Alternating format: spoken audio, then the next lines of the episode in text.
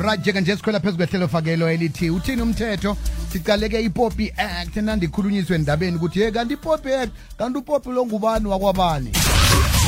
Umthetho nokingpi njengekanyeni sikhambisana no noligqwetha ujabulani wakwamkhwanazi. Lotsha mkhwanazi lojabiziwe kulithaba ukuthi sicoce nawe godu namhlanje sisokuphandluluka hlangothi into ezomthetho. Ukhona ekhaya? Kulithabo ke biziwe ngolosibili omuhle kangaka. And begodu kungolosibili onje la umamama ongibelethawo abelethwa khona kulilanga lakhe lamabeletho biziwe akakhulele phezulu ma akhulele phezulu. Emthokozela biziwe aha sikhwele phezu kwendaba ipopi act iyini? Biziwe ngilotshisa umlalelo kokwez f m olaleni ngalesi sikhathi. Biziwe ipopi act uyatsho ukuthi upopi lo ngubani? Abantu abaningi banande bethi sebabuzana ngombana nakho i-act le ithomile ithome ngiyo-one zakajulayi um unyaka ophelileko biziwe. Ipopi act le le act esibizwa ukuthi protection of personal information act.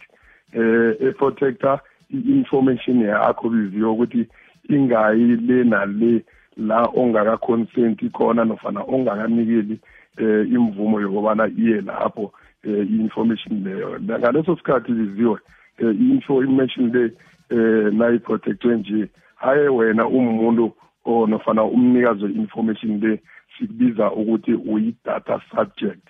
Ukuthi ukuthi uyi-individual i-information yakhe eprotectiwe ukuthi ingavezwa indirectly eh or directly. So that's why esikhathini sanje sibiziwe after in-one zakajulayi angekhe kaningi usathola amakhampani akufonela eh a-advertise ama-product wawo uthola amakhampani akusendela ama-s m s um la advertise mhlawumbe khona ibhizinisi yabo ngombana ekugcineni i-question kuzokuba ukuthi bayithole kuphi i-information yakho.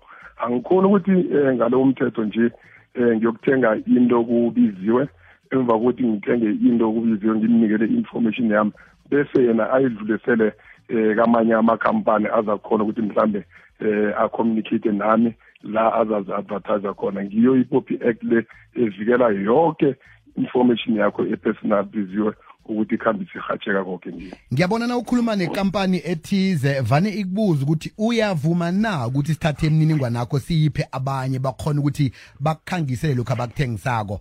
Eh ngicabanga ukuthi umuntu ufanele ayelele khulu kwamambala-ke umbuzo loyo ngombana eh, abantu abaningi abawutsheji umuntu usuthi yes yes yes yoke into. Bese-ke uh kutholakala ukuthi i-information yakho namtshana imininingwane yakho ihatshwa konke njengenkampani nezi uthola abanye bakufuna ukukuthengisela imfoni bakufonele efonini bafuna ukukuthengisela ifoni. Injalo biziwe andeke ngaso sonke isikhathi ikhampani immediately ikubuza ukuthi ingakhona ukuyihatsha um information yakho. Isuke icomplya nayo um ipopi act le ngoba nomthetho uthi ingahatshi um information yakho ungakanikeli i-consent. Therefore ngaleso sikhathi basuke bacomplya nayo. Ikhampani enye nenye nofana i-organization enye nenye khona eSouth Africa kuyikatelelo nofana kuyi-force biziwe ukuthi comply ne-popi act. Asibuye-ke sisuke enkampanini size ebantwini ama-individuals. Bengithandana nomuntu sisabelana iy'nthombe ezinjani-njani sinakho-ke sihlukene. Ipop act iyangena lapho ukuthi umuntu loya nakungenzeka athatha iy'nthombe zameza azihatsha lapho khunye ngakhona umbophisa. Iyavuma biziwe umuntu lo uzithola sebujameni obukudisihle ngomana eh na uyi-data subject kutsho ukuthi izinto eziphathelene nawo personally that's why kuyi-protection eh of personal information.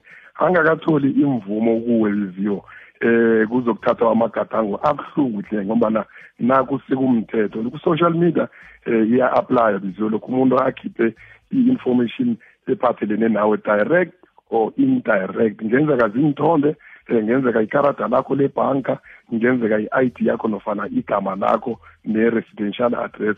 Ne-location la okhona um ngaleso sikhathi umuntu nangabe ukhiphile information enjengaleyo usuka ngakacomply ne-popi act and akusisemthethweni uzozithola asecaleni biziwe namacala avelako um ngaphasi kokuphula lo mthetho ma-civil case la umuntu aza kusuka khona and ekugcineni igcina seyiya um nalapha e-police station la umuntu azozithola abotshwe khona akuhamba ayokugwetshwa eh ekhoto angene iminyaka ngaphakathi ejele asithathe uh, imzuzwana emachumi amathathu siveza amaphuzu aqakathekileko nenombolo zakho zomtato mkhwanazi biziwe ukhulume indaba yokubana eh, amakhampani ayabuza isikhathini esiningi ukuthi bayi-supply na i-information yakhe umuntu. As long as angakavumi biziyo mara kunenkampani ezimthindako um nofana ezizama communicator naye angakanikeli ivumo yokuthi i-information yakhe ikhambe.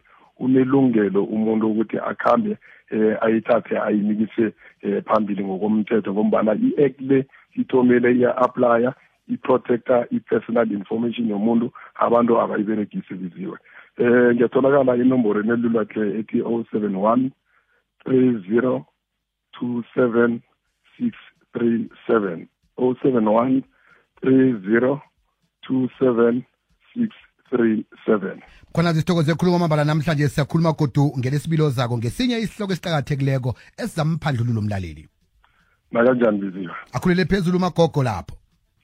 Ngizamtshela biziwe aha. Umthetho noking b. Ikwekwezi fm ikhanyisela ilimpopo yonke ku-104.1 kukhanya ba izijamele.